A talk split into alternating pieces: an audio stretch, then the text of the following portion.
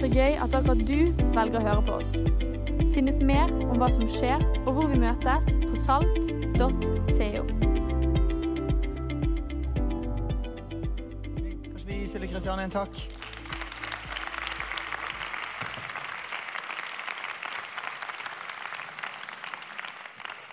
Og eh, Før jeg tatt sier noe, så har jeg lyst til å gjøre det til en lite oppspill til en utfordring. At 2024 kan bli et comeback-år fordi at vi deler hva Gud gjør i livet vårt. Vitnesbyrd heter det. Jeg vet ikke hva du kjenner når du som, eh, ser den videoen. Oi, det var voldsomt, det var overveldende. Det, det var, Silje byr jo liksom virkelig på noe av de tingene som er personlige, men også som hun tenker at kan bli til inspirasjon for oss. Den ærligheten.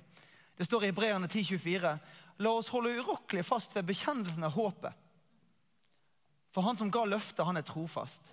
Og la oss ha omtanke for hverandre, så vi oppgløder hverandre til kjærlighet og til gode gjerninger.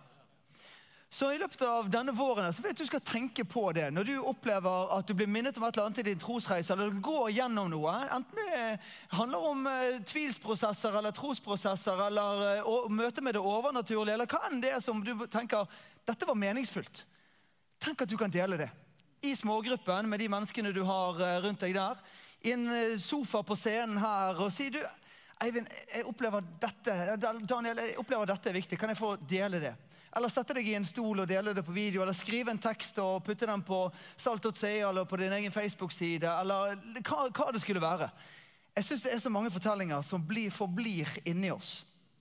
Jeg tror at meg og deg har mulighet til å kunne være til mer glede for hverandre hvis vi er enda mer åpne og deler av de tingene som skjer i livet. Så det har jeg lyst til å utfordre deg på. Jeg skal ikke peke ut førstemann her. Jeg gjorde jeg i formiddag. Jeg nominerte hvem som var førstemann ut. Det er litt brutalt for vedkommende som satt her. Men uh, Siri uh, Nei, unnskyld. veldig, veldig fint. Skal vi åpne Bibelen sammen? Gå til Johannes evangelium, Nytestamentet, fjerde evangeliet. Bla litt som litt til høyre der. Så finner du kapittel 1. Jeg skal lese fra vers 1 til 5 og videre ut derfra.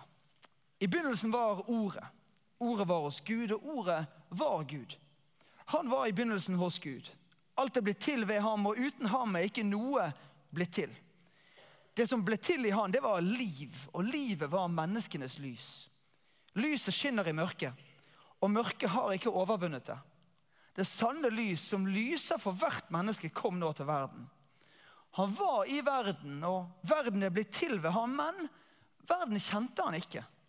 Han kom til sitt eget, og hans egne tok ikke imot ham. Men alle dem som tok imot ham, dem ga han rett til å bli Guds barn. De som tror på hans navn. Så ordet ble menneske og tok bolig iblant oss, og vi så hans herlighet.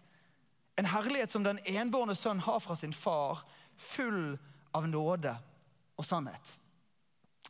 Ikke bare er dette noe av uh, Bibelens liksom mest liksom, poetiske og vakre og underfundige og litt sånn snirklete setninger. Det er også noe av det mest dramatiske. Det snakker om inkarnasjonen. At Gud velger å bli menneske. Lukas han bruker jo mye mer litt sånn nært og kjært og sårbart språk. Snakker om eh, Josef og Maria, om dørbanking og stengte dører og krybbe og rare, men fine omgivelser. Og der blir Jesusbarnet født. Mens Johannes er litt sånn kosmisk og sier at dette er den store fortellingen om Gud som blir menneske. Det er den kristne troen sin definitive kjerne. Hvis du kommer hit i dag og så tenker du nå har jeg våget meg på å komme til gudstjeneste, våget meg på å forsøke å utforske hva disse menneskene tror på, så har jeg nettopp lest noen vers som kanskje rommer selve hjertet og kjernen i hva kristen tro er for noe. At Gud valgte å ikke bivåne mitt og ditt liv fra avstand, men å bli et menneske. Flytte ned hit iblant oss, ta bolig iblant oss. Og Ikke bare for å se hvordan vi har det, eller være på besøk for en liten stund, men for å ikke være en som fører regnskap over livene våre, men isteden betaler for all den urett som vi begår, om vi er ærlige med oss sjøl. Men det hele begynner med at eh, Jesus gjør et heftig sprang. Et heftig sprang fra noe veldig kjent og kjært, himmelen, som er hans bolig, ned til dette stedet her. Det der eh, spranget fra det totalt velkjente til det ganske sånn usikre. Kjenner på den. Kjenner på den når jeg ser eh, disse her herlige foreldrene i nabolaget der jeg vokser opp, der jeg bor, der, der kommer de til foreldremøte alle som liksom er superkompetente og trygge i jobbene sine, og som holder på med ting, og så kommer de inn på foreldremøte. Ingen vet hvor de skal sitte. Ingen vet hvor de skal gå. Ingen, alle holder på mobilen og håper de ikke blir klassekontakt i neste sving. Alle, alle, er bare totalt usikre på hele situasjonen. Kanskje du kjenner det fra studiestedet også. Første skoledag, liksom. Alle som er verdensvante og har full kontroll på jobben og i vennegjengen, så kommer du inn, og så sitter alle 400 og liksom tar og føler på. Vi var i uh, Oslo forrige helg, meg og fruen. Da uh, tenkte jeg skulle være sånn flink ektemann. Og uh, foreslå for min uh, sangkone, klassisk sanger, hun at vi skulle gå på Astrup Fearnley-museet på Tjuvholmen. Ja, imponerende. Det er ikke, For deg som kjenner meg, så vet du at det er litt utenfor min sånn klassiske, klassiske trafikksone. Men vi går helt ut på Tjuvholmen og går inn der, betaler altfor mye for å komme inn. Jeg blir usikker på om jeg har på meg riktige klær. Burde jeg egentlig ha på meg sånne kule briller uten styrke? Et eller annet her jeg egentlig misser ut på hele greia. Ser meg rundt og finner ut at ja, det stemmer. jeg skulle kledd meg litt annerledes, men det går greit. Vi går inn, og så ser jeg dette på skjermen. Nei, på, på veggene. Så er dette kunst. Jeg må bare spørre. Jeg spør for, jeg spør, og I formiddag så gjorde vi en uhøytidelig avstemning. Og jeg ber deg eh, om å rekke opp din hånd hvis du setter pris på dette som kunst. Vær så god. Dennis, tusen takk. Og spesielt, ja, vi, vi, har med et mindretall av rom å gjøre. Veldig interessant. veldig interessant. Eh, der bak, ja. ja, ja interessant. Det, det er jo rett og slett en sørlending som uh, har uh, deskonstruert en hel haug med hverdagssituasjoner og tegna det opp på, på, herligste vis. Og vi gikk rundt der, så litt rundt oss og kikket og nikket og ja, synset og delte noen adjektiver og noen perspektiver og noen ymtinger og sånn. Og ja, det var flott, dette. Så sa jeg kan vi gå og spise pizza? Og så gjorde vi det. Du, I 2023 så var det 871 mennesker som gikk inn dørene her til Salt i Bergen for aller første gang. Det er ganske fascinerende. Mer eller mindre uh, usikre på hva som ventet de, så gikk de inn dørene. 234 av de på gudstjeneste på formiddagen. 41 av de på engelskspråklig gudstjeneste. En av søndagene det skjedde, klokken to. 508 her på denne gudstjenesten. Og 88 stykker kom på Salt Ung på fredagen. Og Bare hittil i år er det 136 mennesker som er på besøk innom her for aller første gang. Det vet vi jo litt, for vi deler jo ut eh, saltstenger og chips og greier i hver eneste gudstjeneste. Mange har blitt invitert av en venn. Andre bor i nabolaget eller kjører forbi, som vi hørte fortellingen i sted. Kjekt å høre deg, Birte. Det var meg som chattet med deg på Salt sin Messenger når du Hvor er du? Jeg må møte, jeg må møte Birte etterpå. Det veldig vittig. Veldig vittig. Andre googler, Jeg møtte noen som googler Kirke Bergen eller English Speaking Service, og så kommer de hit, og så er de her for aller første gang. Jeg vet ikke hvordan du reagerer på det innblikket. Jeg blir sånn svimmel. på en måte. Jeg sånn, 871. Hva i all verden? Og personligheten og yrkesskaden, gleden min, er jo liksom sånn Jeg skulle ønske jeg kunne snakke med de alle. Jeg skulle kunne hilse på hver enkelt av de og slå av en prat og ta en kopp kaffe. Inni meg så kjenner jeg på sånn enorm glede over alle som har funnet veien hit. Jeg håper mange blir værende. Noen har jo selvfølgelig bare vært innom. Sjekke, som jeg eh, skjønte forrige helg, da møtte jeg noen av de. De var på besøk fra Sørlandet, og jeg tror at deres egentlige oppdrag var å sjekke at du, eh, kjære student, ikke bare spiser Nugatti og Grandiosa hele tiden, men at det var noen andre ting i kjøleskapet. Så det finnes sånne inspeksjonsbesøk. Og så finnes det noen som er her i en barnevelsignelse eller andre situasjoner. Men utrolig mange kommer for å utforske kristen tro, eller for å finne et sted å tilhøre med sin tro og med sin familie, kanskje. Og La meg dele noen fortellinger fra de siste månedene. Jeg synes det er kjekt å gjøre. Sindre og Kristine Gripsgaard bak meg på skjermen. De forteller. Vi flyttet tilbake inn til Bergen i sommer etter noen år i Oslo. Jeg og Kristine vi ønsker at jentene våre skal være en del av et sunt kirkemiljø. Så når vi skulle velge kirke i sommer, så trakk vi mot Salt, for her er det et stort og innholdsrikt tilbud for barna våre. Men mange barn og fargerike andakter alene er jo ikke nok til at jentene skal trives, og vi skal trives. Det er måten vi som familie har blitt møtt og inkludert i fellesskapet, som gjør at vi ønsker oss tilbake søndag etter søndag. Og vi vil trekke fram Susanne og Johannes som ekstremt gjestfrie og gode forbilder. Så jeg spurte Jonathan Aleis. Jeg kommer fra en bakgrunn der jeg vokste opp i kirken. Jeg flyttet til Norge, så letet jeg etter et fellesskap jeg kunne delta i. Men jeg følte meg alltid som en fremmed, en besøkende, helt til jeg kom innom Salt. Jeg jobber som tatovør, og i en av sesjonene mine så møtte jeg Oscar Calderon. Han tok meg med til Salt for aller første gang, og litt etter litt så begynte jeg å føle meg hjemme. Akkurat som i kirken i Brasil. Alle jeg møtte i Salt, ønsket meg velkommen, spesielt det internasjonale fellesskapet, som jeg føler er utrolig viktig for utlendinger som prøver å finne sin plass i Bergen. Jeg tror på viktigheten av gjestfrihet for å kunne demonstrere Guds kjærlighet. Jeg møtte fantastiske mennesker i Salt, og jeg er så takknemlig for det. Siste tilhører uh, dette gudstjenestefellesskapet, heter Hanna Elde. Hun sier Salt er den første kirken jeg tilhører i mitt liv. Jeg kom til tro på folkehøyskolen, og i høst så kom jeg hit med en venninne. Etter gudstjenesten så kom Anna bort til oss for å hilse og prate. Vi ble invitert med i smågrupper og fikk tilbud om å møtes før gudstjenestene fremover, sånn at vi hadde noen å gå sammen med. Jeg følte meg så velkommen, så ønsket. Likevel er Salt en stor menighet, og det er lett å føle at man drukner liksom i mengden. Så selv om jeg ble tatt virkelig godt imot, så var det litt skummelt også. Hele høsten så ba jeg om mot til å tørre å hilse på nye og gjøre det som trengs for å føle at jeg hørte hjemme i kirken. Når man er ny i troen blant mange som har vokst opp med kristen familie, så tror jeg også at det er lett å tenke at man ikke er god nok sammenlignet med de rundt seg.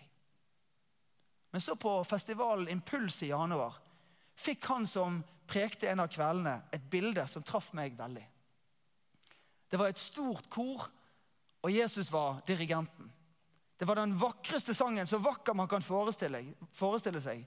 Men plutselig så stopper han koret. Han pekte ut flere enkeltpersoner fra mengdene, én etter én. For, fordi han ikke kunne høre at de sang. Og så sa han til dem, 'Jeg vil høre din stemme'. Søndagen etter så følte jeg for første gang på ordentlig at her var det plass til meg også. Fellesskapet i Salt er varmt, er trygt, et sted man tar vare på hverandre. Nå går jeg på alfakurs. Begynner i tjeneste, blir invitert med på kaffe og middager, har verdens fineste smågruppe, medarbeider på Radiance. Jeg måtte ta vekk noen ting, for det virket så voldsomt. Utrolig herlig å høre. Og en liten shout-out til uh, Hanna sin smågruppeleder. Smågruppelederen min har tatt utrolig godt vare på meg fra dag én. Hun ga meg min første personlige bibel i gave. Det er kult. Hun sjekker ofte innom meg hvordan det går, gir veiledning til bibellesning og hvordan jeg kan vokse i troen. Jeg føler meg så hellig, sett tatt vare på, heiet på. Nydelig. Tenk å få være en gjestfri kirke. dere. Tenk å få være en åpen kirke. Der det det ikke er for de spesielt inviterte og de spesielt interesserte og bortgjemt og inne i et smau og inne i en bakgate. og Du må være skikkelig dyktig for å finne. Tenk at det er et by som ligger på et fjell. Og mange kan finne veien fordi at de får en invitasjon eller de får en innskytelse om at her skal jeg sette mine bein.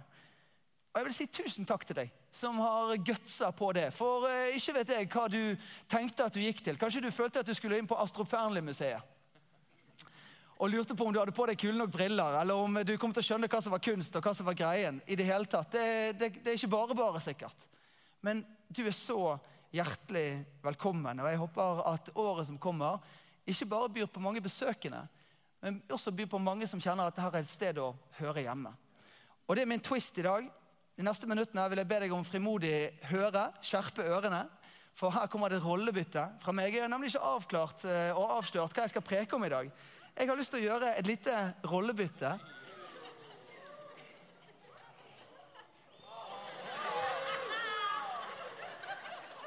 Vi stopper der. Jeg har lovet Samuel Skorpen å gjøre det, så jeg må gjøre det. jeg måtte gjøre det et rollebytte som jeg tror er avgjørende viktig for meg og deg og vår selvforståelse. Jeg har lyst til å utfordre deg med under overskriften 'Fra gjest til prest'. Jesus, disiplene og meg og deg blir nemlig ikke værende i gjesterollen i mange mange uker og måneder og år av livet vårt. Vi skjer en forflytning, og den forflytningen har jeg lyst til å snakke med deg om de neste minuttene. Ber om at du skjerper ørene og hører inn hva dette har av å si for din selvforståelse din selvforståelse både når vi er samlet som kirke, Men også den selvforståelsen du har i møte med hverdag, studier, jobb, fritid. Fra gjest til prest. Bli med meg på tre små bibelstudier først.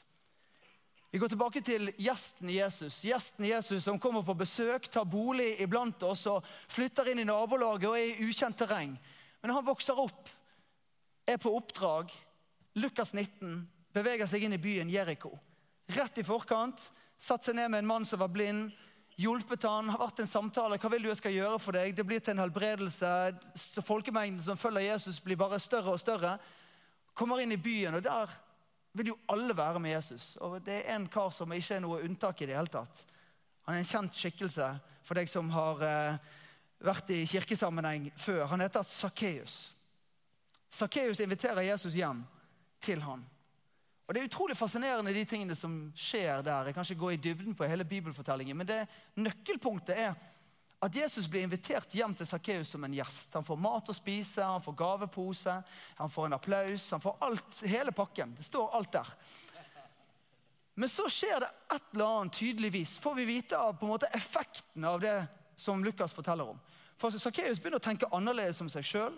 Begynner å tenke annerledes om de menneskene han har rundt seg, hvordan han behandler dem. Begynner å tenke annerledes om penger, begynner å tenke annerledes om prioriteringer. Han har fått en prest på besøk. Jesus har ikke blitt værende i gjesterollen og bare tenkt at nå skal jeg bare spise og drikke og være her og ta imot denne gjestfriheten og være innom, og så går jeg videre til neste sted. Det skjer en forvandling, en forandring, et bytte, en bytte av rolle i Jesus sitt liv. Og Det er sånn han trener og utruster de som lever tett på han også. Lukas 10 så leser vi om 72 stykker som Jesus har hatt litt sånn tett på seg. Han hadde jo 12, og så var det 72 som står som en litt sånn større disippelflokk. Og han sier til dem når dere kommer inn i et hus, så skal dere si fred være med dette hjemmet. Bor det et fredens menneske der, så skal freden, freden deres hvile over han. Hvis ikke skal den vende tilbake til dere selv. Bli boende der i huset, spis og drikk det de byr dere. For en arbeider er verd sin lønn. Flytt ikke fra hus til hus. Når dere kommer inn i en by og de tar imot dere, så spis det de setter fram for dere. Så kommer twisten. Helbred de syke der og si Guds rike er kommet nær til dere. Jesus sier ikke bare forbli i gjesterollen og spis og drikk og dra videre til neste sted, men vær prester for de som bor der. I hverdagen deres, når dere går fra sted til sted og by til by, gjør et bytte i selvforståelse. Når samtalen og maten er spist og kollokviegruppen har brukt masse tid sammen og middagen er ferdig, fortært. Og plutselig så Ja, men kanskje, kanskje jeg kan forstå meg sjøl annerledes i denne situasjonen enn å bare være på besøk. Helbred de syke. Det betyr møt behovene.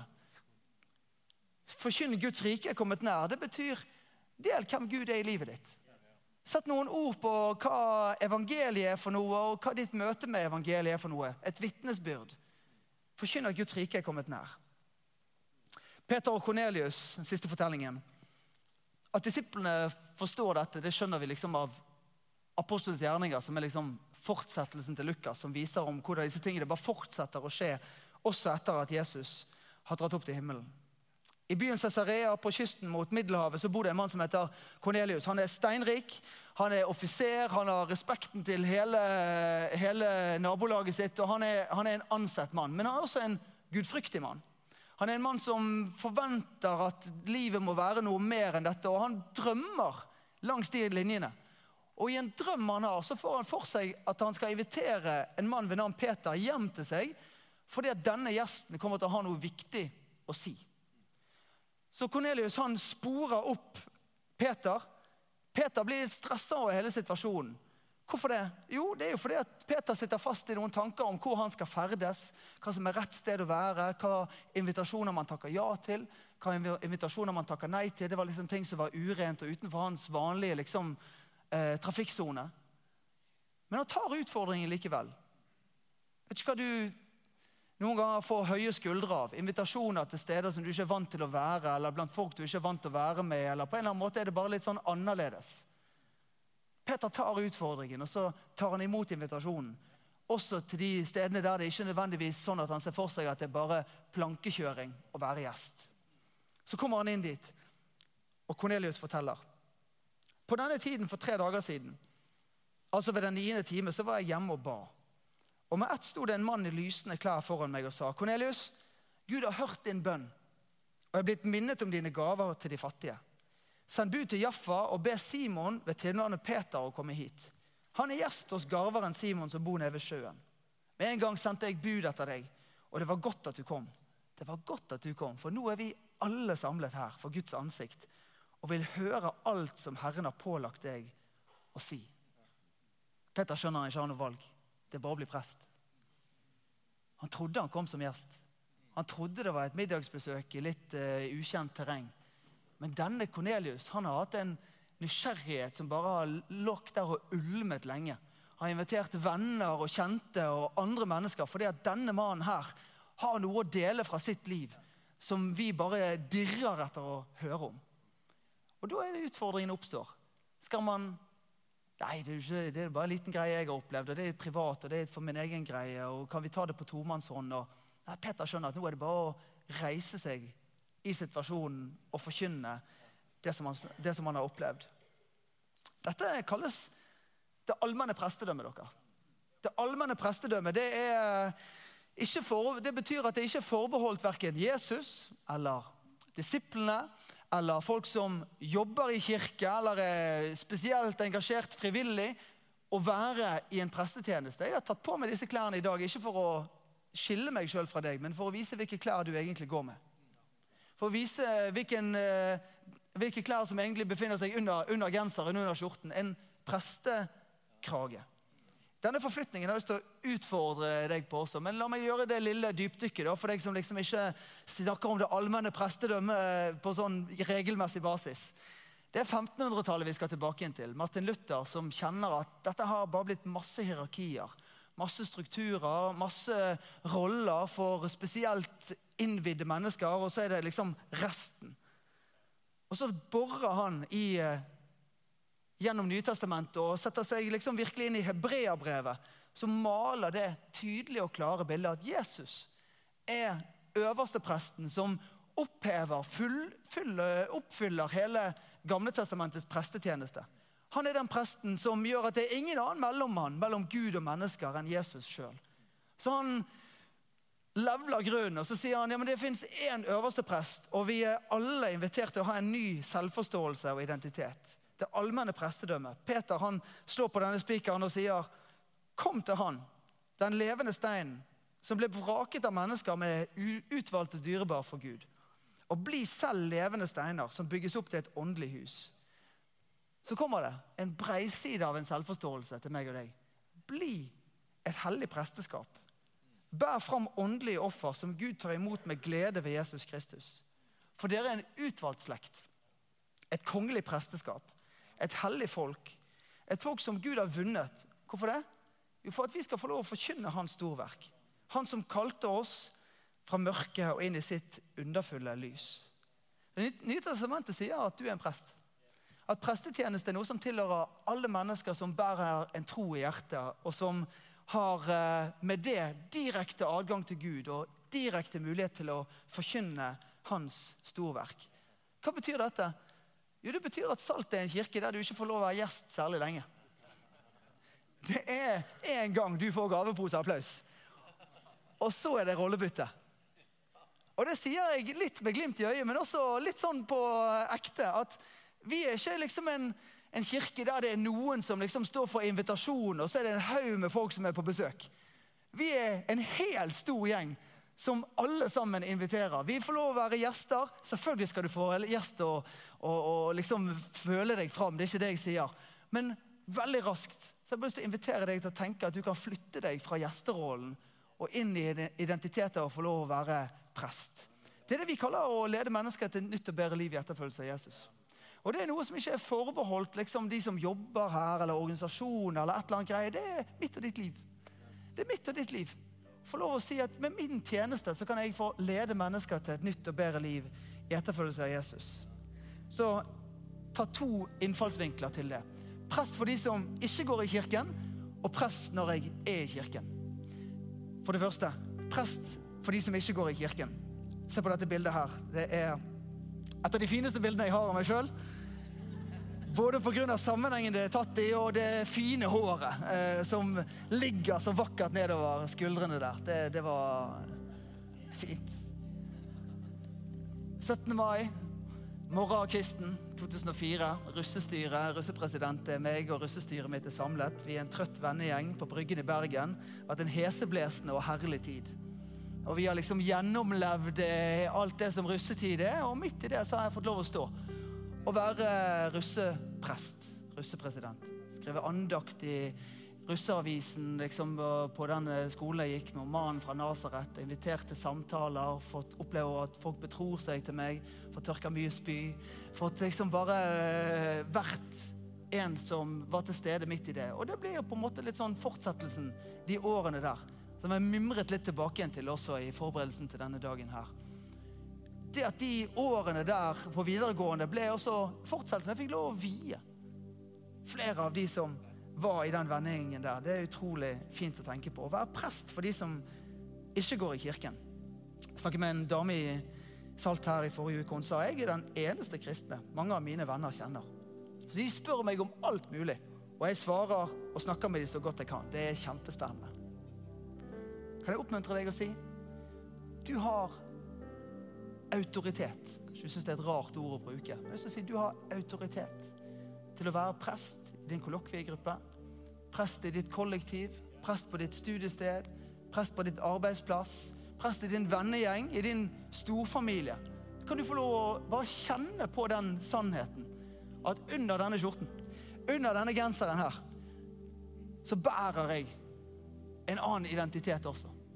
Jeg kan få lov å være midt i dette, denne sammenhengen her, og være en som folk kan støtte seg på, be om forbønn hos, be om eh, råd fra, spørre spørsmål til, be om omsorg fra, betro seg til. Alt det folk tenker at en prest kan være, det kan du være. Du kan være det midt i den gjengen. Ikke les deg sjøl ut av det og tenk at du er bare innom her og innom der og gjest her og gjest der. Flytt deg til en tanke om at akkurat der du er plassert, der kan du få være prest også for de som ikke går i kirken. Så kan du få være det her også. For sånn type kirke er vi. Et hellig presteskap, alle sammen, som bærer fram åndelige offer som Gud tar imot med glede ved Jesus Kristus. Takk, eh, Jonas og Arne, for eh, egentlig å ha prekt preken før jeg kom på. Helt nydelig. Vi kan være det også i dette fellesskapet når vi er samla her. Hva betyr det? Jo, kom med dine nådegaver. Kom med ditt vitnesbyrd. Kom med din lidenskap. Kom med din bønnetjeneste. Kom med din tro for helbredelse og kunnskapens ord. Kom med dine løftede hender i lovsang. Kom med din tjeneste og kjærlighet for neste generasjon. Kom med din ferdighet. Kom med din kunnskap. La det berike, berøre oss som får lov å sitte rundt og være i nærheten av deg. Ikke forbli en gjest. Vær prest i salt.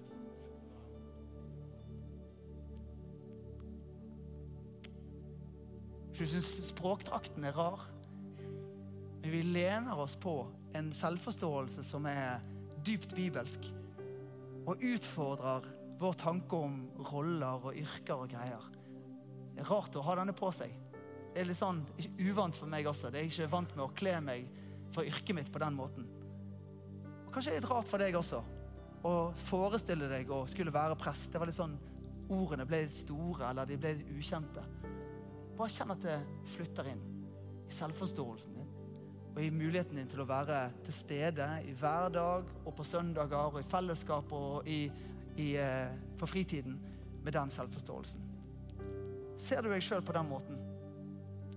Eller har du lyst til å våge å tre inn i det? Og I dag skal jeg eh, rett og slett spørre et litt sånn åpent spørsmål. Jeg har lyst til å be for deg, jeg har lyst til å velsigne deg, innsette deg eller bemyndige deg til prestetjeneste utenfor kirken i kirken, hva enn eh, som eh, du kjente at liksom nappet i din, ditt hjerte og i din tanke, at det steget vil jeg ta. Til deg vil jeg spørre deg om å reise deg. Ingen tvang om å reise seg. Ingen som må reise seg. Hvis du har lyst, jeg skal be en bønn av velsignelse over din prestetjeneste. At du kan få lov å være prest i kollokviegruppen din. Prest på arbeidsplassen din.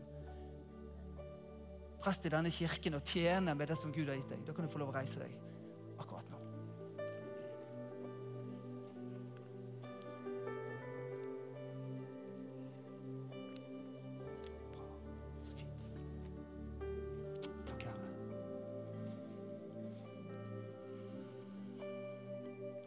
Takk for at vi får være et folk som du har vunnet.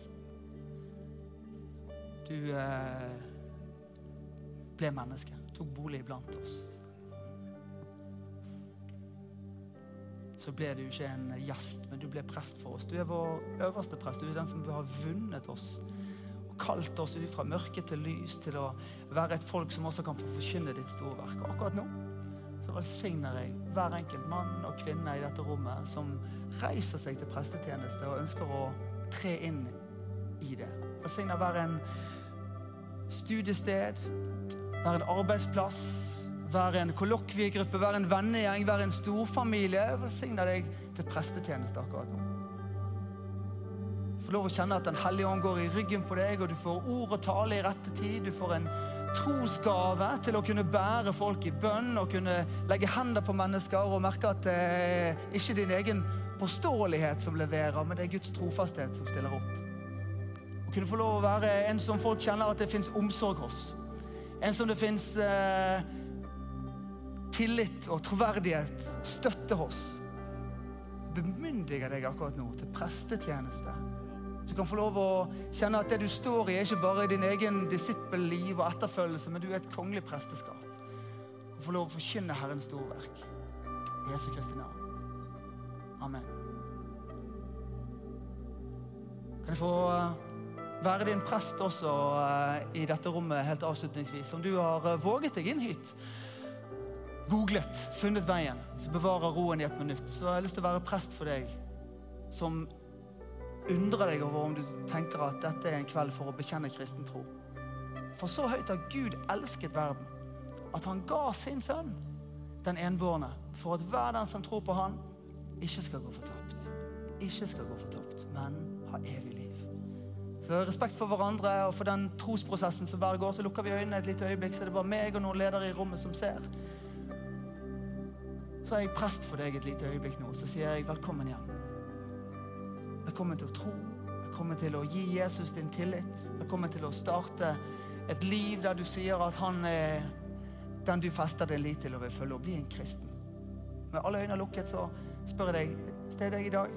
Kan jeg få være prest og få be sammen med deg i dag? Rekker du din hånd i været akkurat nå. Så skal vi bekjenne tro sammen. Gud velsigne deg.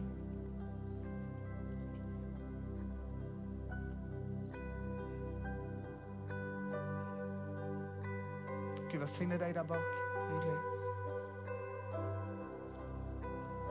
Jeg tar et lite sekund til. Gud sier velkommen hjem til deg. Trenger ikke å kjenne at det er noe som eh, han peker på og sier at du burde skamme deg for eller fikse på først. Han sier 'kom som du er'. Jesu navn. Få åpne øynene, så kan du få sammen med hele dette rommet få gjenta en kristen bønn. Det er sånn i kristen tro at det er den troen i hjertet og bekjennelsen av det med munnen, så sier jeg Gud, vi skal få lov å kalle oss hans barn. Så vi ber sammen. Kjære Jesus, takk at du kom til denne verden for å frelse mennesker, for å frelse meg. Og jeg tar imot din tilgivelse, din fred, din nåde og din godhet. Jeg velger å kalle meg din. Takk for at jeg får følge deg, tro på deg. Kaller meg din. I Jesu navn. Amen. Amen. Skal vi gå inn i en eh, Skal vi gi en klapp til de to som responderte? Så flott.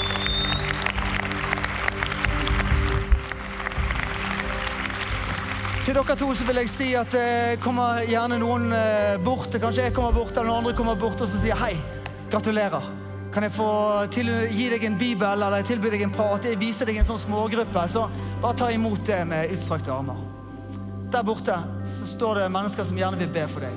Hvis du trenger at Gud griper inn i livet ditt, fysisk helbredelse, et kunnskapsord, en eh, velsignelse, en opplevelse av å bare si 'Gud, kan du stå med meg i dette?' Skal vi løfte tak i lovsang sammen, og så skal vi frimodig gå til forbønn også hvis vi trenger det i livet. For at du hørte på. Håper vi snakkes enten her eller i kirken neste søndag. Ha en nydelig uke.